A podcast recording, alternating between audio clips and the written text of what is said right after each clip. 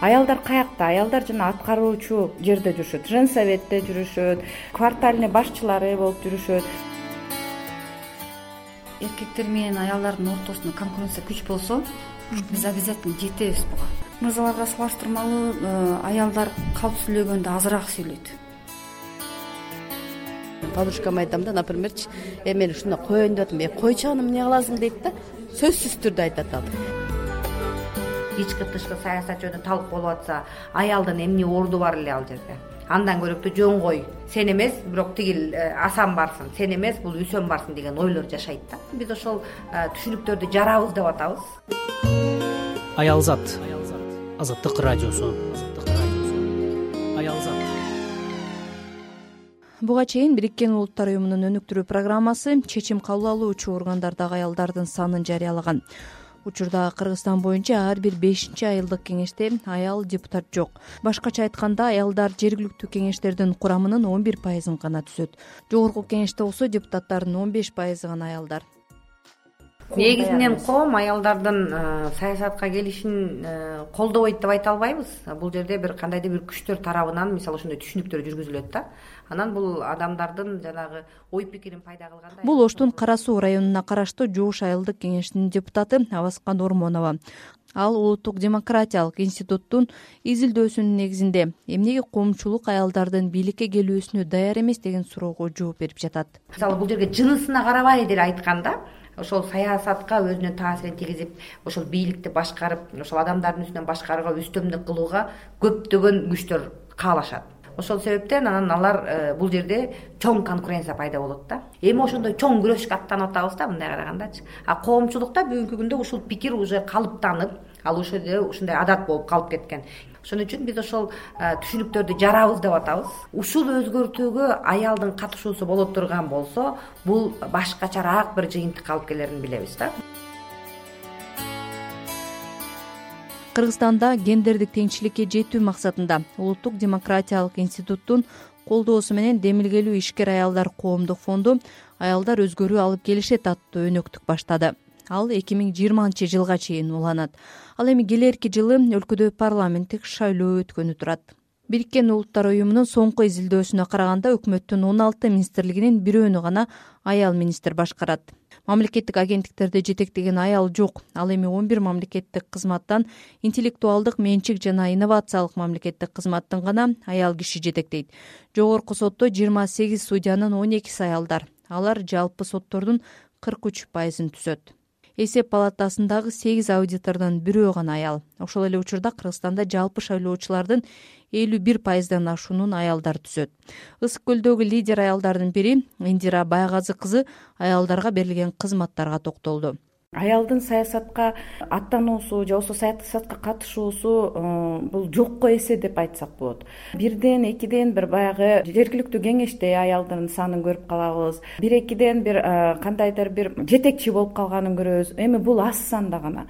Аялдар каякта аялдар жана аткаруучу жерде жүрүшөт. Женсоветте жүрүшөт э, кандайдыр бир квартальный башчылары болуп жүрүшөт. Биз аялдарды жөн эле жумуш менен алаксыткан бир деңгээлде көрүп калганбыз сиз ошол э, лидер аялдардын бири катары саясатка аралашкыңыз келеби? Мен эки миң он жетинчи жылы биз негизи кыргызстандын э, лидер аялдары деген баягы неформальный уюм түзүлгөндө мен эмне максат менен келгем менин максатым ошол жергиликтүү кеңешке депутат болгон кандай болот болду экен ушул эмнени билиш керек экен ошол мен ошол жерге барышым керек билим алышым керек деген максатта мен өзүмдү лидер аял катары көрө аламбы деген максатта ошол уюмга келгем. Менин максатым мына эми жергиликтүү кеңеш андан кийин жогорку кеңеш деп өзүмө максат коюп аткам да. Лидер аял деген ким? Ал кандай сапаттарга ээ болушу керек? Менин оюм боюнча лидер аял бул чечкиндүү акылдуу окуган. Жана ошол эл ичинде анын аброю бар активдүү анын сөзү өтө турган болуш керек да.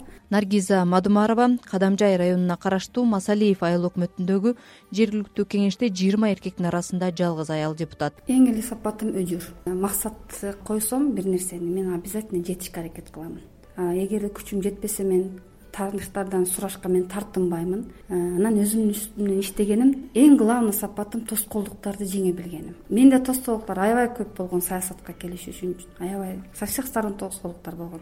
Бирок мен аны жеңе билдим жеңе алдым. Наргиза аялдар бар кеңештердин артыкчылыгы арбын экенин белгилеп жатат. Бир аракетиң ишке ашпай калса кол кушуруп отуруп калбоого үндөдү бир гана минус жери сенин койгон сунушуңдун добушу эгер ал жерге макул келбесе добушуң өтпөй калышы мүмкүн. А бирок сен бир добушуң өтпөсө кайра кайра сунуштай бер. Но главное законго таянып мыйзамга таянып так. Э? Далилдеп айткан болсоң мырзалар деле просто так отурбайт алар деле колдошот. Ким мисалы туугандарыңыз колдоду беле эң башкысы? Биринчи буга менин ата энем колдогон. Атам менен мен жергиликтүү кеңешке бир кандидатура болуп коюп калганбыз. Мен бир участкадан ошондо атам мага уступка берип кызым койсун кандидатурасын деген үч жүз токсон алты голос менен элдин жардамы менен өткөнмүн. Ал эми токтогул райондук аялдар кеңешинин төрайымы элмира раманкулова саясатка аралашса эмнени өзгөртмөк эле? Кайсы маселени көтөрмөк? Э, аялдардын арасындагы зордук зомбулук э, анан ушу балдардын арасындагы. Биз ушу балдарыбыздан э, мен деле мынакей ушу кызымды мен эртеңки келечегин мындай көргүм келет да. Ушу кыргызстанда ээн эркин эч кандай коркунуч жок. Жакшынакай тынч өлкөдө жашоосун каалайм ушу мүмкүнчүлүгү чектелген жарандар ушу коомдо ушу чындап эле мүмкүнчүлүгү чектелип жатат да. Эң биринчи эле ушул. Коркуу сезим аябай дегенде өөрчүгөн десем жаңылышпайм да ушу өздөрү сомнение болуп тура беришет да мен болсом болбосом анан например биз обязательно айтабыз да мен подружкама айтам да напримерчи э мен ушундай коеюн деп атам э койчу аны эмне кыласың дейт да сөзсүз түрдө айтат ал.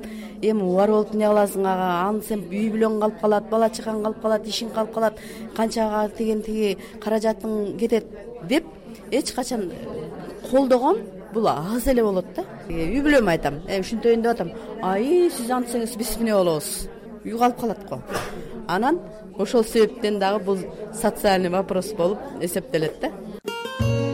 Аялзат азаттык радиосу. Аялзат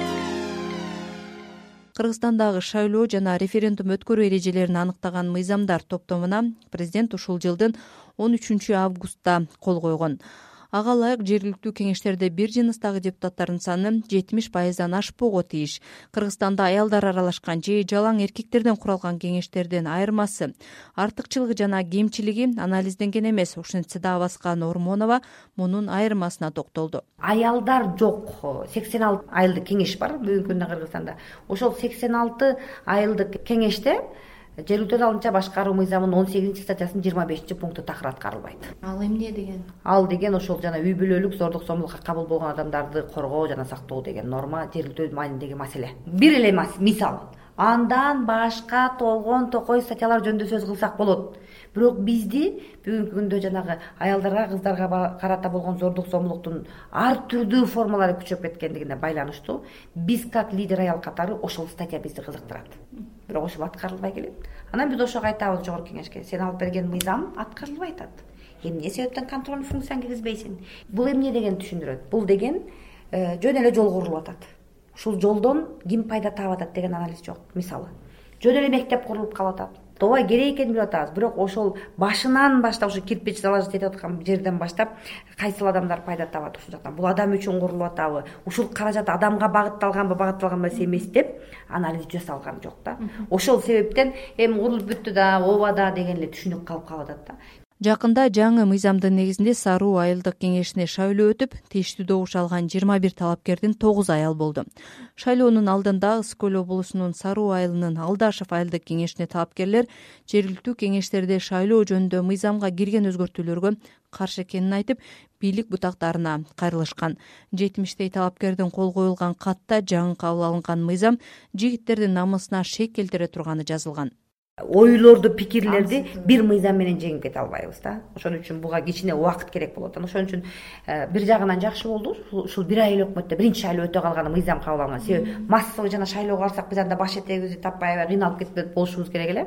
Анан эми бул жерде мырзалардын билимсиздиги мырзалар толук тыккандуу атаандаштыкка чыга албагандыгы бул жерде атаандаштык аябай күчтүү да ошого ушундай бара албайм деп анан мыйзамга каршылык көргөзүп жазгандын өзү уят нерсе. Мажоритарный системада мандат мандат да. Үч мандат беш мандат эки мандат да? Ошол жерде деле аялдар мына мандатта мына жерде эки жүз голос алса тияктагы жүз голос алган эркек деле өтүп келип аткан. Анда несправедливость ушунча жыйырма сегиз жыл эле болду. Дейт абаскан оморова. Аял киши саясатка аралашса эмне өзгөрөт? Кандай артыкчылыгы бар? Биздин маектештер өз оюн айтышты. Аялзат. Азаттык радиосу ал жогорку деңгээлге барып башкаруу системага барыш үчүн сен көп тепкичтен өтүшүң керек да. Ошон үчүн э, мен ойлойм ошол аял затын келиш үчүн биз коррупциялык система жок болуш керек. Ошол орундар сатылбаш керек. Бул орун ошол өзүнүн э, адамдын иштеген деңгээлине жүрөт аялбы эркекпи айырмасы жок. Эркектер менен аялдардын ортосунда конкуренция күч болсо биз обязательно жетебиз буга. Эмне себептен? Аял бирөөгө өчөшүп калса на принцип көп жумуштарды жасайт да. Ишим менен алардан мен көбүрөөк иш жасайм деп менин скоростум көбүрөөк болгон да. Аялдардын эрки күчтүү? Эми эркек мырзаларга салыштырмалуу э, аялдар калп сүйлөгөндө азыраак сүйлөйт. Эми аларга мен шек келтирбейм конечно бир эле парламент эмес негизинен ушул саясатта жүргөн адамдар менен элдер менен жолугушууга чыккан мезгилде э, эркек мырзалар негизинен эч жерге кагазын жазбайт мисалы же белгилебейт. Анан ооба бул каралат ушундай деген сөздөр менен да анан биз жыйынтыгын албайбыз да жыйынтыгында эмне болуп чечилди ошол маселе айтып айтып эле калып кеттикпи деп. Азыркы э, коомдо аялдардын лидер аялдардын образы аябай өзгөргөн мисалы мына чыккан э, элди кыдырып чыккан лидер аялдарды көрсөк дайыма ушул кагазында жазылган такталган кийин кайта келгенде өткөндө ошону айтканса ушул болбой калды мына болду депчи отчеттуулук күчөдү да аялдардын арасында. Булар ушундай жакшы образды чагылдырып берип атышат да мына жыйырма биринчи кылымдачы. Ал эркектерге наоборот пример болуш керек болуп атат аялдар өзгөрүү алып келишет аттуу өнөктүк эки миң жыйырманчы жылга чейин уланат. Ушул убакыттын ичинде өнөктүктү баштаган уюштуруучулар лидер айымдарды таптап ал эле эмес шайлоочуларды куруу убадаларга эмес реалдуу идея платформага көңүл бурууну депутат кандай ишти кыла ала турганын кайсынысы курулай убада болушу мүмкүн экенин түшүндүрүүгө шайлоочунун ушул багытта да сабатын жойгонго аракет кылат. Адатта өзүнүн ыйгарым укуктарына кирбеген убадаларды берген учурлар кыргызстандагы ар бир шайлоодо байма бай айтылып келет эмеспи. Сиздер аялзат берүүсүн уктуңуздар берүүнү даярдап алып барган канымгүл элкеева